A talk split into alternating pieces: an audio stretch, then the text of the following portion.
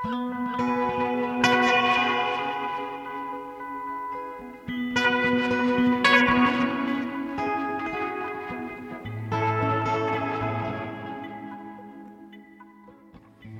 og sæl, kæru hlustendur, Jóhannes Ólafsson og Halla Harðardóttir heils ykkur hérna úr hljóðstofu Víðsjár miðugudaginn 5. apríl. Í þessum síðasta Víðsjár þætti fyrir páskaháttíðina er aðeins tvent á dagskrá og við verðum með hugan við sviðslistir. Já, við fáum tvo meðlemi leikópsins kriðpleir í heimsókn í svipmynd dagsins. Þá Ragnar Ísleif Bragason og Fröðger Einarsson. En auk þeirra er hópurinn skipaður þeim Árna Viljámsinni og Bjarnar Jónsinni. Og þeir félagar hófu tilhörnir sem leikhópur fyrir tíu árum með síningunni Tiny Guy sem sett var upp í mengi árið 2013. Uppfrá því hafa þeir unnið jöfnum höndum í sviðslistónum og undanfarin ár hafa þeir aðalega nýtt sér form útarsleikusins. Nýjasta útarpsverk Kryðpleirs er sjálfsalinn sem frumflutt verður um páskana og verður aðgengilegt strax á morgun skýrdag í spilara rúf. Í sjálfsalanum hefur Ragnar ráðið sér fast starf og sagt skilið við fjölaði sína í harkinu, þá friðger og árna. En tálsýnir lausamennskunar lifa og fyrir en varir stefnir hugurinn í eina átt, beint í næsta gegg. Ragnar og friðger segja okkur allt um þetta og meira til hér rétt og eftir. En við ætlum að hefja þáttinn á leikús Ríni frá Nínu Hjálmarsdóttur sem fór að sjá verkið Djöfulsins snillingur. Djöfulsins snillingur er nýtt verk leikópsins Reykjavík Ensemble sem var frumsýnt í Tjarnarbíói í síðustu viku. Hópurinn er fjöl þjóðlegur en kjarni hans eru þær Eva Marsínek og Pálína Jónsdóttir sem skrifuðu handritið og framleiða verkið en Pálína er einnig leikstjóri þess. Þær hefa áður til dæmis gert síninguna Ísland Pólerað sem unnin var upp úr sjálfsæfi sögulegri bók Evu. Verkið hverfist um hina barnalegu og stjörnu eigðu úr í elu og áskoranir hennar sem innflytjandi og listamæður á Íslandi. Verkið hefst á senu þar sem hálfnakin Úriela hefur líkt og skólast upp á strendur Íslands en þegar fígurur með vasaljós reyna að vekja hana þá spýtir hún út úr sér vatni sem hlýtur að vera skýrskotun til flóttafólks sem druknar á vegferðsynni í leit að betra lífi.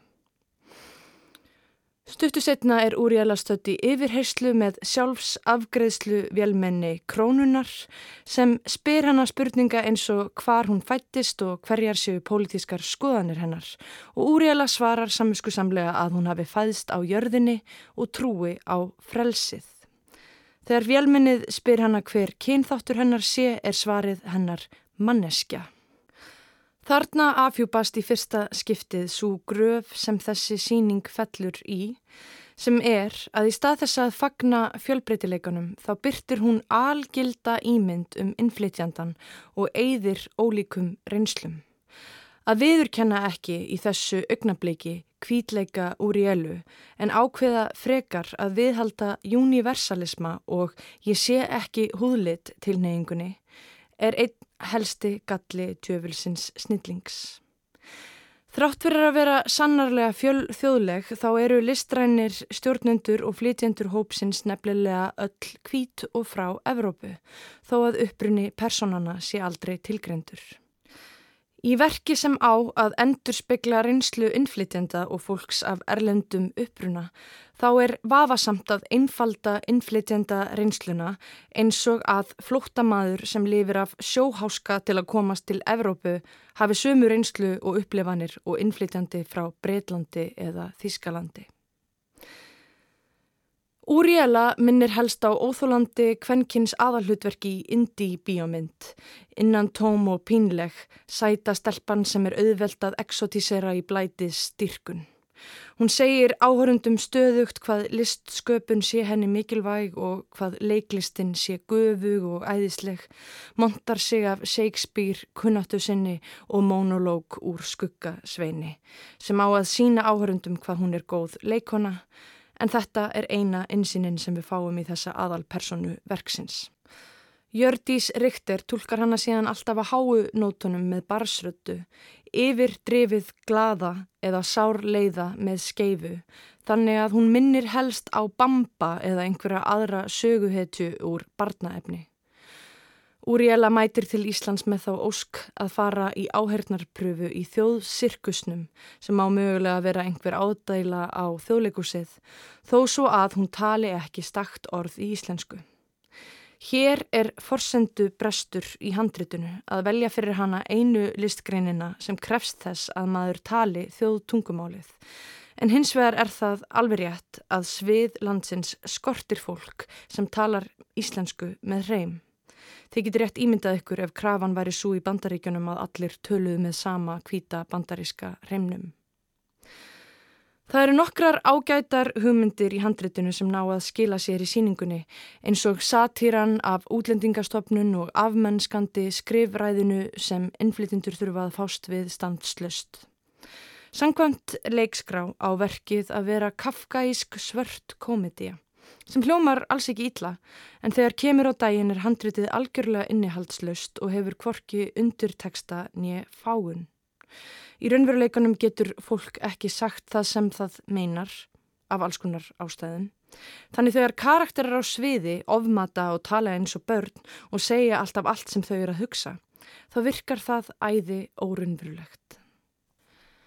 Personurnar eru því tvívíðar og hafa hvorki baksögun ég sjálfsmynd með þeim afleiðingum að okkur stendur á sama um og náum engri tengingu við þær. Hvorki aðalpersonuna nýja auka personunar.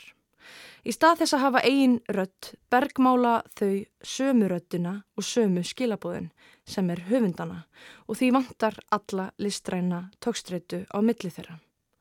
Personurnar eru því ansið þunnar og verða að klísju kendu tákni til að sína fram á og pretika um það hvað Íslendingar eru vondir við einsleita ímynd innflytenda.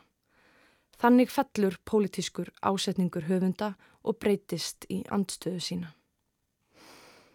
Einhvern veginn tókst leikurunum samt með einskjærum hæfileikum sínum að eiga nokkur sérmyrjandi augnablík í síningunni. Karl sem er fyrsti innflytjandi Íslands og þræll Ingólfs Arnarssonar og Kærling sem við vitum ekkert meira um sem eru leikin af Jordik Mist og Heidi Bás áttu sterka innkomu í drömkendri restingarsenu þar sem þau endur taka aftur og aftur gömlu tugguna Where are you from? Þau Karl og Kærling fá þó lítið til að móða úr. Það er helst persóna vonda Íslendingsins í tólkun Snorra Engilbertssonar sem er áhugaverð. Óþólandi íslenski leikarin sem notar úrjælu sem leiksopp fyrir eigið ego. Þrátt fyrir næmni og skopskinn í tólkun Snorra þá spólar personan í sama farinu og kemst aldrei á neina lokastöð. Í síðustu samskiptum hans við Úrielu leggur hann áherslu á að hún taki þátt í að bjarga íslenska tungumálunu, orðunum og ljóðunum frá því gamla daga og segir, viltu hjálpa okkur eða verðið þú bara áfram þögull fiskur sem enginn heyrir í? Þessi bóðskapur fær að standa óáreittur það sem eftir líður af síningunni án þess að það sé tekin neyn afstæða til hans. Handritið er því fullt af mótsögnum, ótrúverðugt og gloppott. Sagan segir okkur þannig lítið um útilókandi listasenuna á Íslandi. Hefði ljóðræna í tekstanum skilar sér stundum í ágætis setningum en líka langdregnum grút leiðilegum senum eins og loka atriði og áhernar pröfa úr jélu sem á öruglega vera einhver sniðug allegoria en ómögulegt er að skilja. Margar senur eru því tilgangslausar og auðvelt að gleima. Annað sem var líka bísna þreytt í síningunni var að hafa Karlmann í kvennmannsfötum sem einhvern brandara, sem var Pól Gibson í hlutverki Jóu hjá útlendingastofnun. Einnig var misræmi í búningunum, sumar personur voru í klæðskera sniðinum fatnaði sem undir streikuðu sjóháska á meðan aðrir klættust hraðtísku fötum sem gætu verið úr H og M. Það er verðugt verkefni að ætla sér að gera leiksýningu um reynslu innflytjanda og það þarf að gefa sögum þeirra stuðning og pláss í listasennu landsins. Fólk af erlendum uppruna er nú einu sinni 25% landsmanna samkvæmt tölum Hagstofu Íslands frá 2022. En það skiptir máli hvernig þessar sögur eru settar fram og mín upplifun er svo að þessir höfundar hafa ekki nægan skilning á þeirri byrtingarmynd sem þær eru að framsetja í þessari síningu. Hvern þær eru raunverulega að miðjusetja og hvernig það er gert. Djöfelsins snillingur hittir því ekki í mark hvað þetta varðar.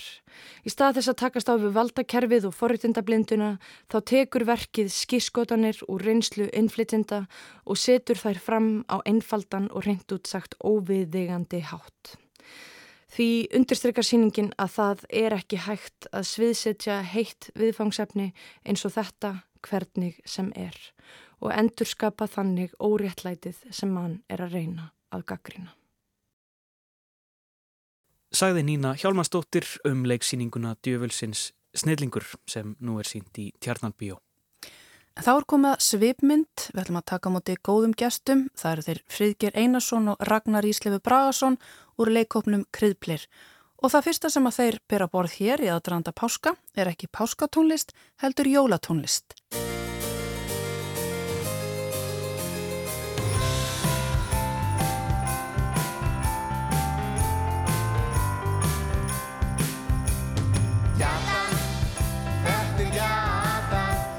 Jesus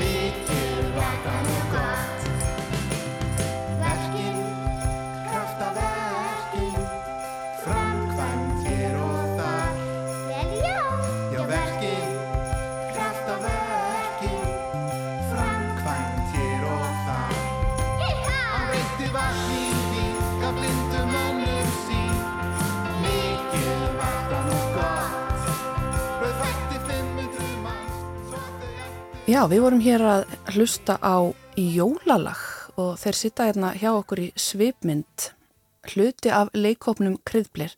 Ragnar Íslefi Bragarsson og Friðger Einarsson verið velkomnir í Vísjá. Takk. Takk fyrir. Akkur hófið þáttin á jólalagi? Þetta er lag sem var samið fyrir uh, útásleikrit eftir okkur sem var flutt um jólinn 2019 samið af uh, einum af meðlumum hópsins, Átna Viljónsinni og dóttur hans, Agnesi Árnadóttur. Og þau eru, hvorugt herra eru stött hérna í dag. Átni, Át- Agnes er reyndar ekki meðlumur í leikóknum en, en Átni er það þannig að það er gott að minna á hann. Já, og þetta er bara gott lag sem að er sko ekkert endilega jólalag nema kannski út af þessum bjöllum. Uh, Það er vissulega talað um uh, Jésu en við höfum líka stundum sko og veltum því fyrir okkur í þessu jólalegriti hvort að það mætti ekki vera páskalög. Það er svo mikið á jólalögum og okkur fannst og finnst ég að ennþá að páskarnir verða svolítið út undan þegar kemur að uh, tónlist þannig að þetta er líka svona smá óður til páskana af því að þeir eru nú á næsta leiti. Hvernig getur páskalög skorið sig frá jólalögum? Af Því að það sem enginn er jólalögur eins og þú segir bjö- bjöllurnar og auðvitað í textunum og svo eru svona, svona litlir mólar sem að enginna jólalög. En hvað geti enginn páskalög? Páskalög eru þau öruglega svolítið svona hérna, dýnamiskari af því að páskarnir eru náttúrulega miklu svona dýnamiskari hátíð, gerist miklu meira. Uh, Það er borðuð uh, síðasta síðasta kvöldmáltíð einhvers og svo deyr uh, maður, hann er drepinn og svo lifnar hann við Þetta er dramatískari saga. mjög dramatist sko og hann fer upp og kemur niður og þetta er bara rosa dæmi En síðan er líka sko jólalög er oft sko burt sér frá þessu kristilegu tengingu þá er oft svona rosalegu spenningur í þeim. Þannig að jólin er að koma, já, já, jólin eitthvað svona Já. en kannski gætu páskarlögin líka verið sko svona aðeins svona afslappaðri svona, Já, svona innleitnari og, og svona Meira um balluður þá. kannski, já, að því að páskarnir eru meira hátíð svona sem þetta, svona fólk slakar meira á eða fer að gera eitthvað skemmtilegt eins og Ragnar segir Það er svona minna að hlakka til. Það er Það er auðvitað þetta minn- pakkavesen með jólinn. Sko. Það er minni pressa um páskana finnst mér og, og hérna, já, þetta er meiri afslöpun.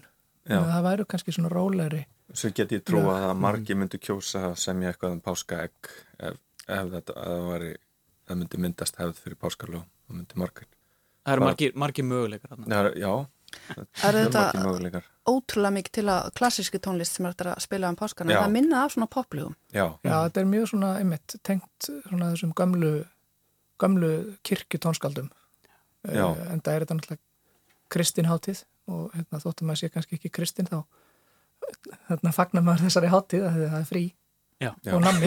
Já, og nammi. og nammi er náttúrulega alltaf Og virkilega mjög gott frí. Þetta er miklu betra en jólafríð. gott mörgu leiti sko gott barni mín er til dæmis eh, oft nánast óviðræðu hæf á aðvendunni sko af spenningi, það maður finnur minna fyrir því um páskana. Mm Já, Þannig að það er og, meiri, meiri svona það er í rauninni meiri fókus á samverðinu og minni á þessar hefðir sem eru kannski svona geta verið íþingjandi um jólin.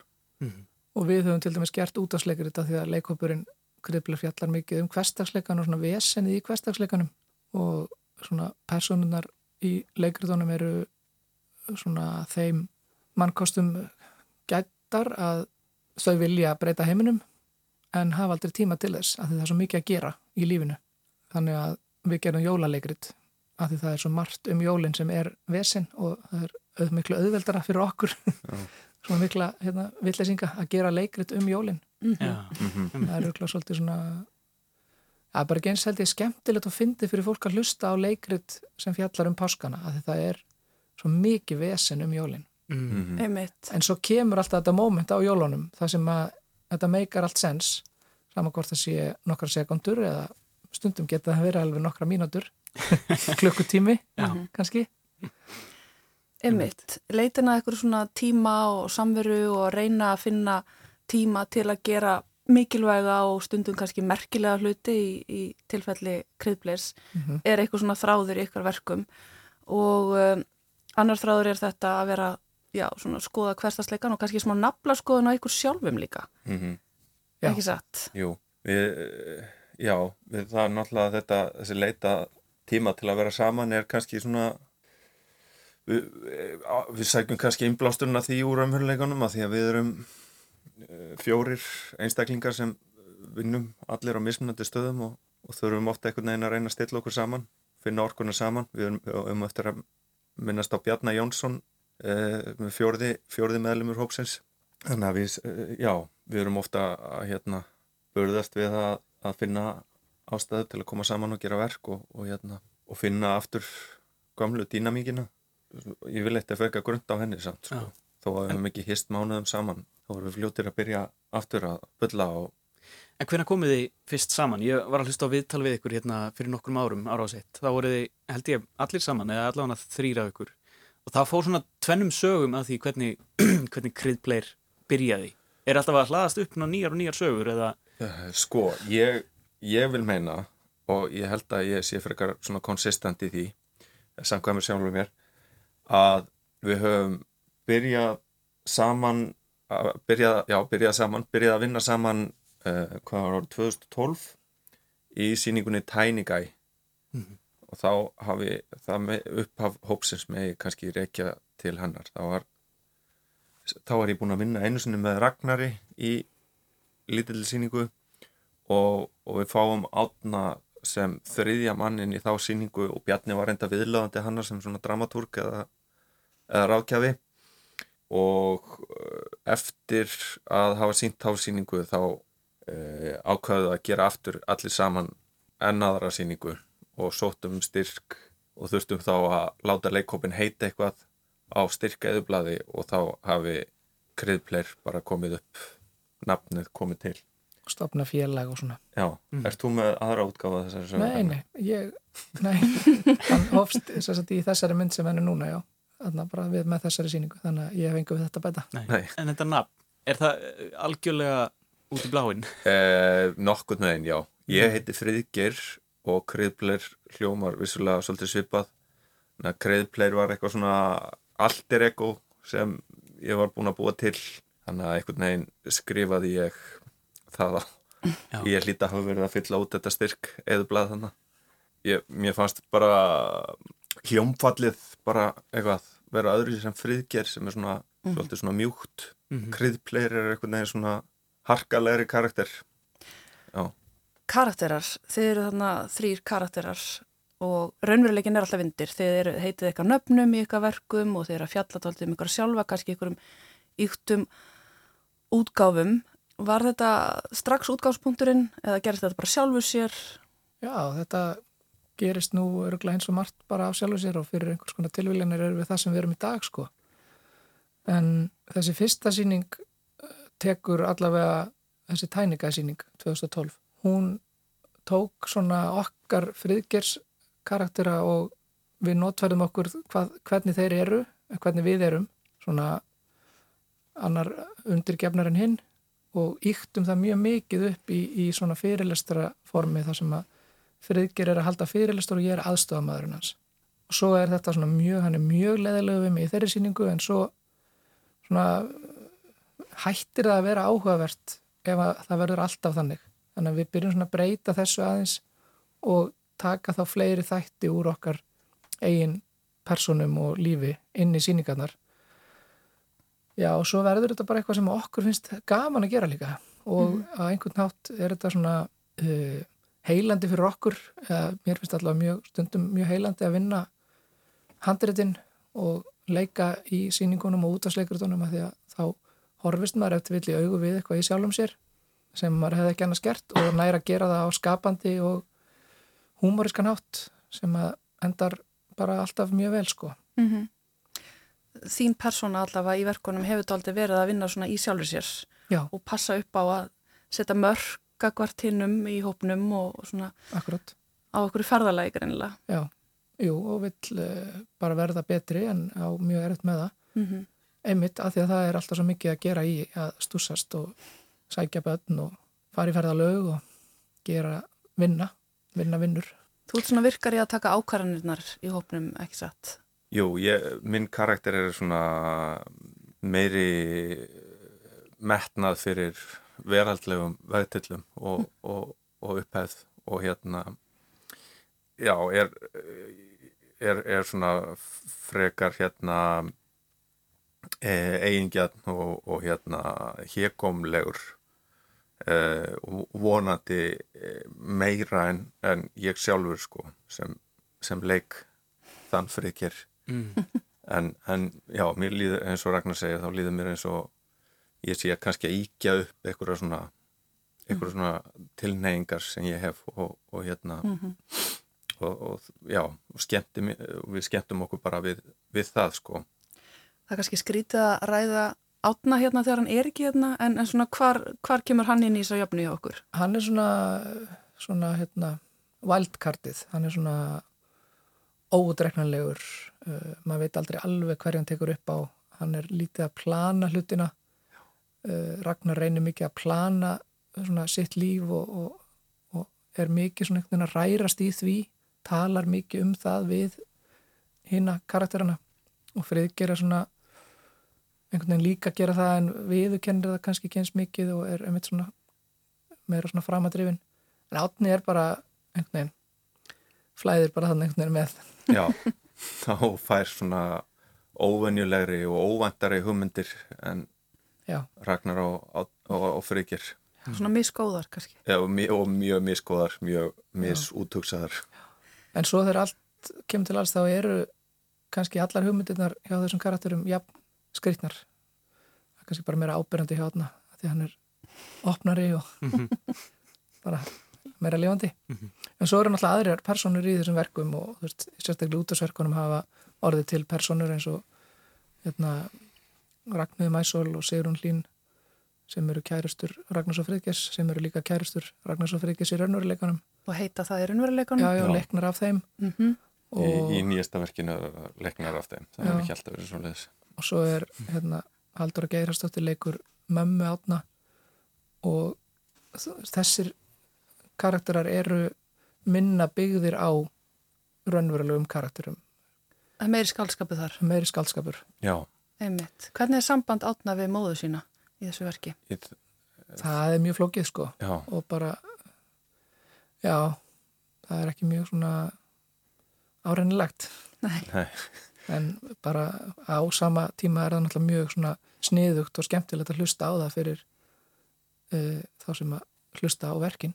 Mhm. Haldur að gerast og þeir gerir þetta náttúrulega, gerir þetta náttúrulega af rosalega mikilli snild að leika þessa konu. En móður átna er ekki byggð að miklu leiti á móður hans í raunveruleikana, myndi ég segja. en það, það hefur verið mjög svona skemmtilegt fyrir okkur að því að enginn okkar er leikaramentaður að fá síðan svona alvöru leikara eins og Halldóru og núna Solveig Arnars og Aðalbjörg Atna koma inn í þetta nýjasta verk og, og fleiri, já, og hann hérna Hákon. Hákon og Þurður Blær. Já, Mm og það er, það er mjög skemmtilegt að, að svona fá svona skemmtilega leikara inn í, inn í hljóðver og, og, og vera búin og skrifa og fá að skrifa fyrir þau karaktera sem þau síðan gefa líf. Það er, það er, það er líka mjög skemmtilegt -hmm. fyrir okkur sem hefum alltaf verið bara eitthvað að skrifa rugl fyrir okkur sjálfa Og hvernig verður þetta samband? Svona, hvað er þið að læra af hvert öðru og, og svona þessi dýnamík milli, milli ykkar og, og faglærðu leikarana? Mér finnst sko, þau eru alltaf búin að pæla svo mikið í personunum og undirbúa sér svo rosalega vel uh, á meðan við erum bara uh, ekki eins mikið að gera það. Já, þau eru bara búin að hugsa þetta svo mikið og, og gera þetta svo hérna, vel. Já, og Þeir eru svona án aðrænu. Vi- Við erum mjög mikið Já. á natrinu, já. Já. Við hérna uh, förum kannski meira inn í stúdíuð og látum vaða eða höfum gert það. Já. En, en, já, en síðan er mismunandi hvernig leikararnir koma inn í þetta. Sumir kunna textan alveg upp á tíu og aðrir lá- láta bara vaða eins og við, bara meiri, meiri krafti og, og svona Mhm. uh, ná jafnvel að þá meira flugi, sko. Og ég held að ég hefi orðið varfið að í klippivinnunni núna á þessu verki að um, við þurfum að klippa, vinna miklu minna í að klippa leikarana.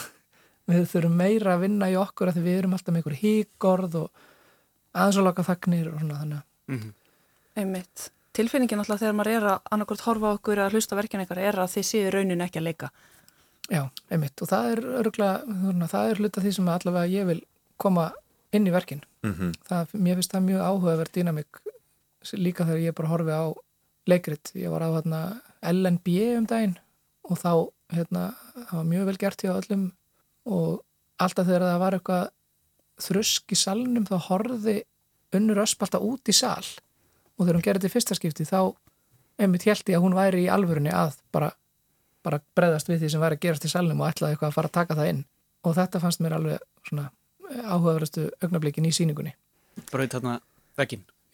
eða þú veist, hann var margáft brotinn í síningunni Já, þau já. voru að lappa um salin og allt þannig en þetta var eitthvað annað, Ok. Mhm. að þetta var eins og þetta væri raunverulegt En einmitt þegar við leikum á sviði þá er eh, aldrei sko veggur milli okkar og áhörnda. Mhm. Það er alla, allan aldrei allan tíman. Nei. Þannig að við erum svona, það er kannski element sem við vinnum tölvist með að vera, vera við sjálfur bara Já. einhvern veginn. En, en þetta breytist síðan í útvarpinu af því að það er, ég veit ekki alveg hvernig maður brýtur fjórða vekkin í, í, út- kannski með því að gera svona þátt, jú, já, einmitt. Halló, þetta er, Já, við erum hérna að tala í útvarpið já. og eh, Já. það er bara gaman En það, það er einhvern veginn farið þannig að við svona gerum bara svona, já, búum bara til hliðstæðan veruleika í útvarpinu sem þessum, þessi Mm. karakterar lifa bara sínu lífi og, og hljóðunni minn er bara einhvern veginn falin. Einmitt. Áður fáum að heyra af sjálfsalanum, nýja verkin ykkar og, og meira um ykkur sjálfa. Þá skulum við setja næstala á fónin og uh, kannski bara fá að heyra þegar því lokið af hverju þið komið þetta lag.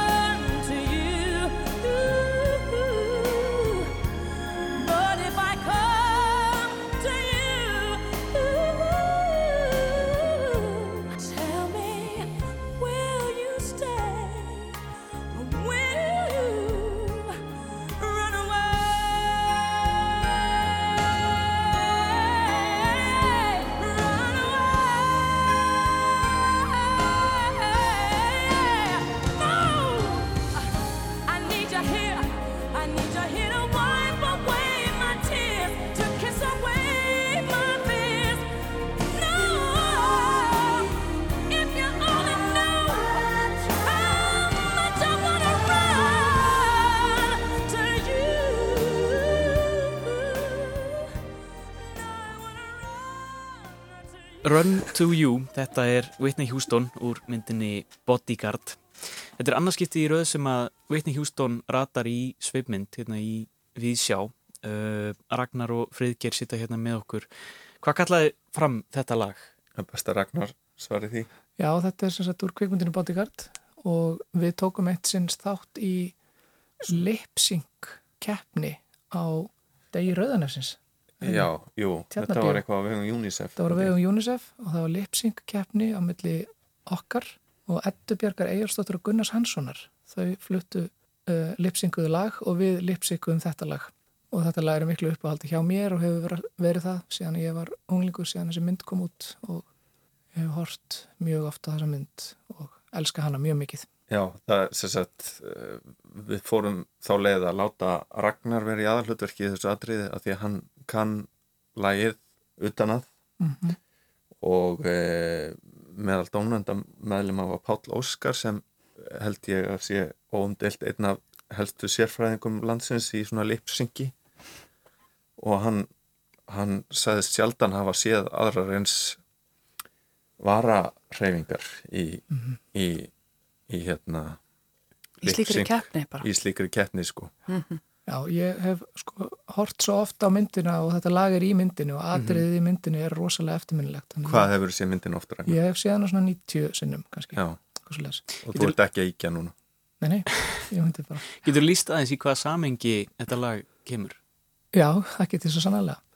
Uh, þau eru svona nýkomin heim af mjög svona kröfu hörðu kvöldi þar sem hún lendi í uh, tölvöru vesinni í áhöranda skaranum það var svona, hún var að syngja á klubb og hún lendir í að hún lendir í áhöranda skaranum og Kevin Costner kemur og bjargar henni og það er búið að vera svolítið styrt svolítið erfitt sambandi millir Kevin Costner og Whitney Houston í myndinni mm. þannig að þetta er svona moment og svo er hún svona að jafna sig einhvern veginn svona uh, þetta kvöld og hann býr í svona litlum skúr á lóðin hennar einhvern veginn en hún sagt, er þarna í sínu sínu hásæti eða Sörnbergi og Mm. horfir svona niður í skúrin og sér að hann er að horfa á myndband með henni, flytja þetta lag. Og uh, myndbandið er mjög svona epíst, hún er að hlaupa hann í einhverjum vindi og allt að gerast með svona mjög litla dölu á, á sér. Og svo sagt, að því það er þarna sem hann fattar að hann sé ástangina henni uh, og hann það er að koma svona klíma sér lægin og þá hallar hann sér svona fram og svona setur svona hendin undir og þá fattar hann að hann er ástangin og hún sér að hann er að horfa á sig og verður líka svona svolítið hugsar, hann er góður Mm. Hún Skilur sér augnablikið þegar hann verður ástangin. Já, svona, já, svona einhvern veginn eftir þetta verður þetta allt svona miklu betra hjá þeim sko. Já. Já, þetta, Þetta er bara fallegt. mjög fallegu texti og hérna, Hvað vitni er náttúrulega bara ótrúleg.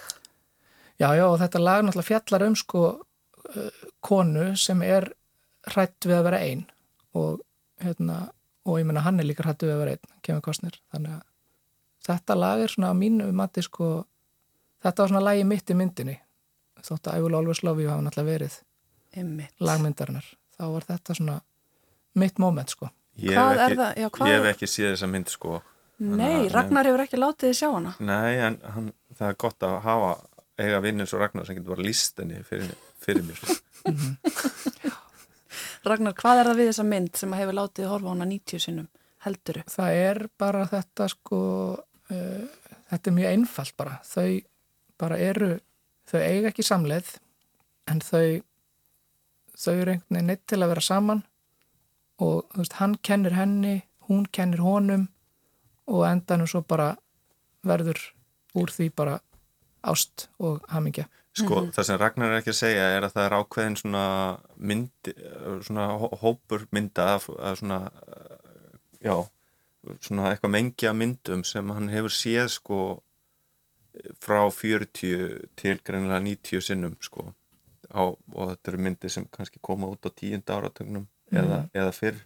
Mm Eh, þannig að eins og einu sinni voru við stattir á Akureyri þar sem við gistum saman í Herbyggi vegna við vorum að sína hana og Mhm. gjörningaháttið og kveiktum á sjónvarpinu á rælni og, og þar var verið að sína hérna Midnight Cowboy og það var atriðið þar sem persóna John White er á leiðin í rútu frá hérna einhverju landsbyða einhverju la stað á landsbyðinni þar sem hann býr til New York og Ragnar bendir sem sagt á konu sem sittur fyrir aftanan bara svona aukaleikari og segir, sjáðu rétt bráðum þá þá opnar hún svona munnin svona, og sínd okkur, opnaði munnin.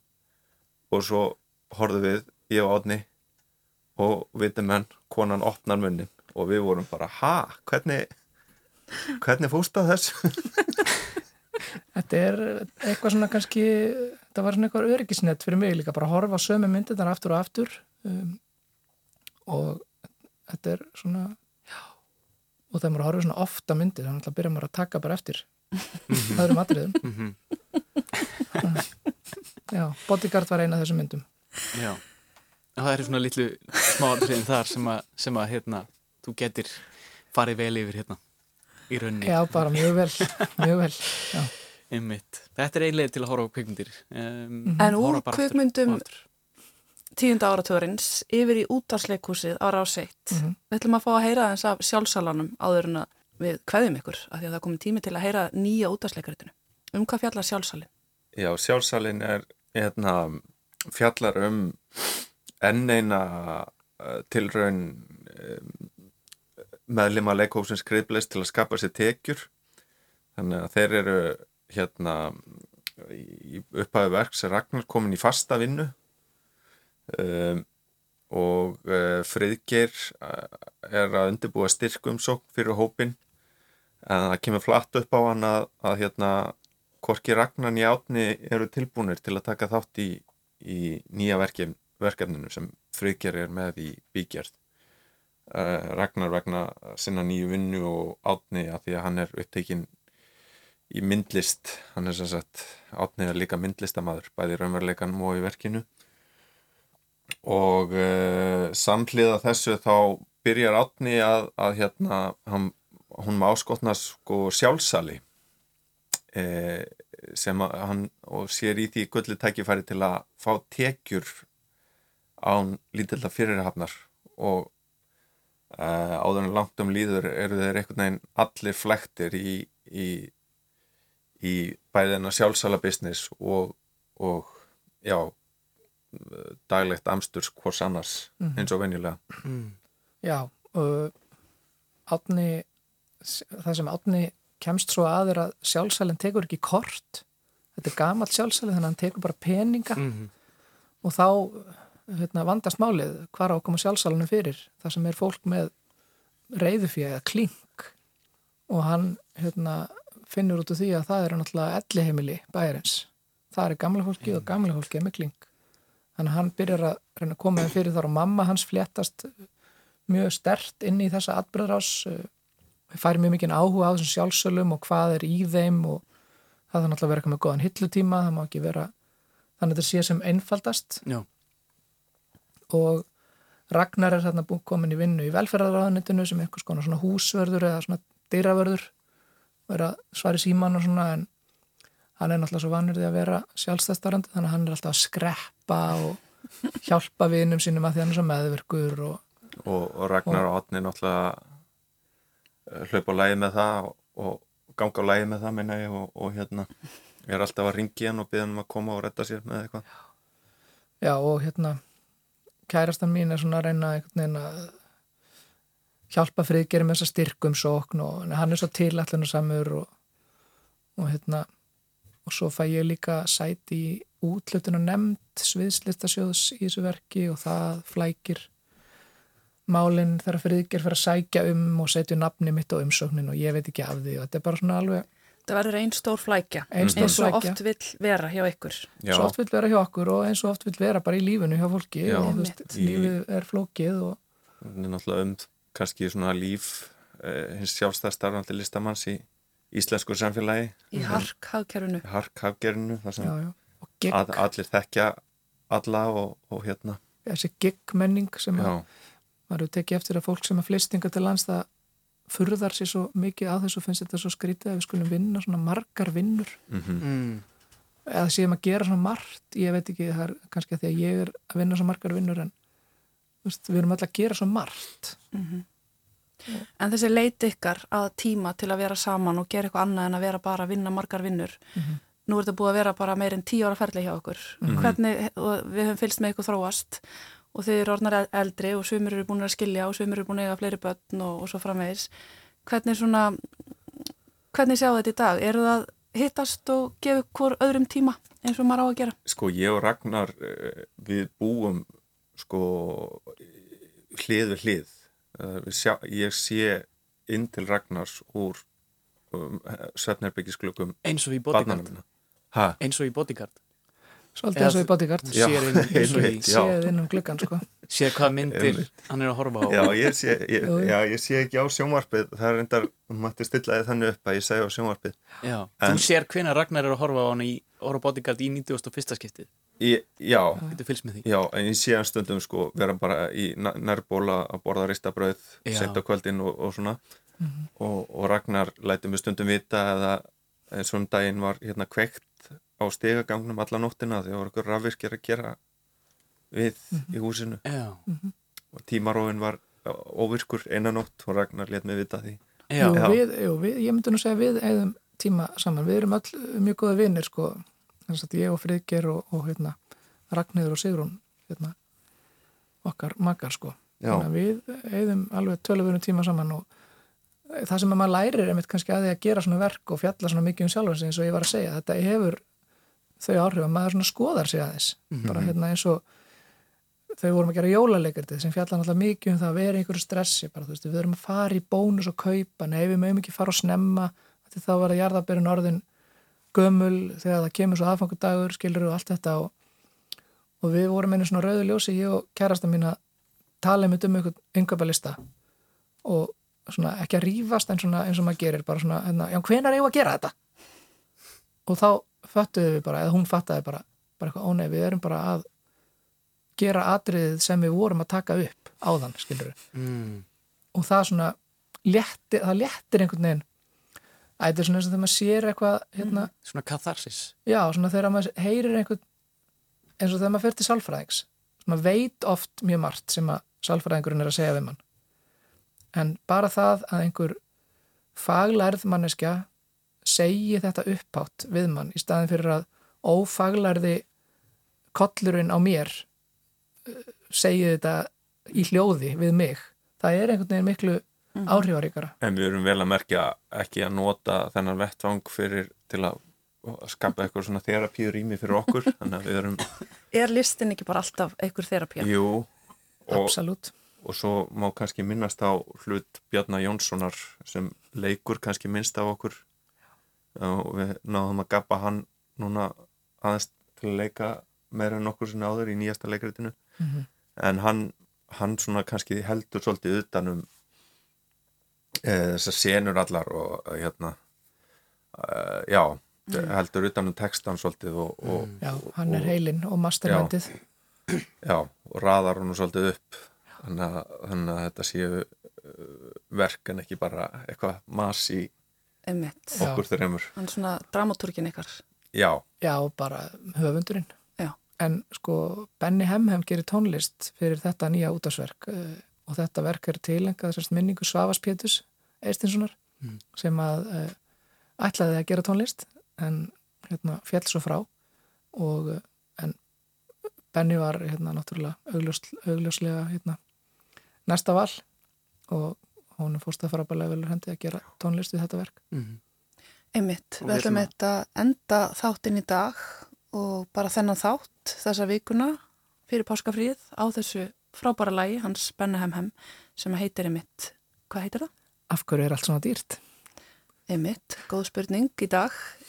Áður en við setjum þetta lag á fónin þá ætlum við að fá að spyrja ykkur eins og hefð gerir ráð fyrir hér í svipmyndi við sjá uh, nokkra spurninga af spurningalista Proust Mhm. og Jóhannes, ef þú vildi vera svo vætin að spyrja fyrstu spurningarinnar. Já, fyrsta prúst spurningin er hver er helsta fyrirmynd kryðpleirs?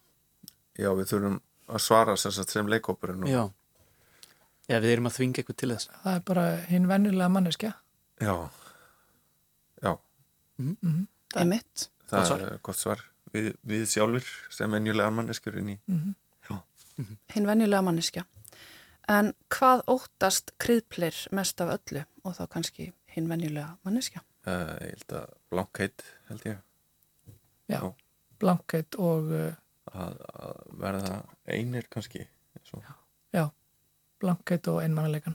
já, Mm. Um, ef kryðpleir byggja ekki á Íslandi, hvar, hvar byggja og af hverju? Bara í köpen. Já. það er næsti bær við. Allt svo hugulegt í bara á sósélunum Bara, á, hérna, bara svona hliðagutta strikkinu og bara í góðum fíling á. það er líka svo gott styrkjakerfi í já, og þannig. Norðurlöndunum Það- Kryðpleir er svolítið líeglað svona. já, Já, bara svona smörri bröð og Þið voru ekki lengi að svara þessu. það er kannski- kannski útrás. já, Já, Já.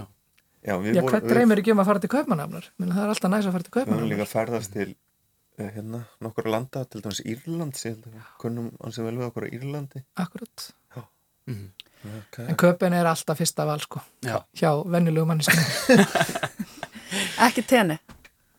Nei, það er svo Ragnar langt. er, er svo rauðbyrkin Já, hann þetta. myndi brenna illa Já, hann brennur ekki í köpinn. nei, ekki, Alltaf skuggi í hliðagötunum, sko. Já. Herðu, kryðpleir, gestir okkar í dag, Ragnar Íslöfu Bragason og Friðger Einarsson, takk innilega fyrir að vera einna með okkur og segja okkur frá meðal annars þessu nýja páskaleikriti sem að verður flutt hér á ráseitt um páskana og við ætlum að enda svimindina í dag á læginu Af hverju er allt svona dýrt með Benna Hemhem sem var samið sérstaklega fyrir þetta verk sjálfsalan. Gleðilega páska. Gleðilega páska. Gleðilega páska.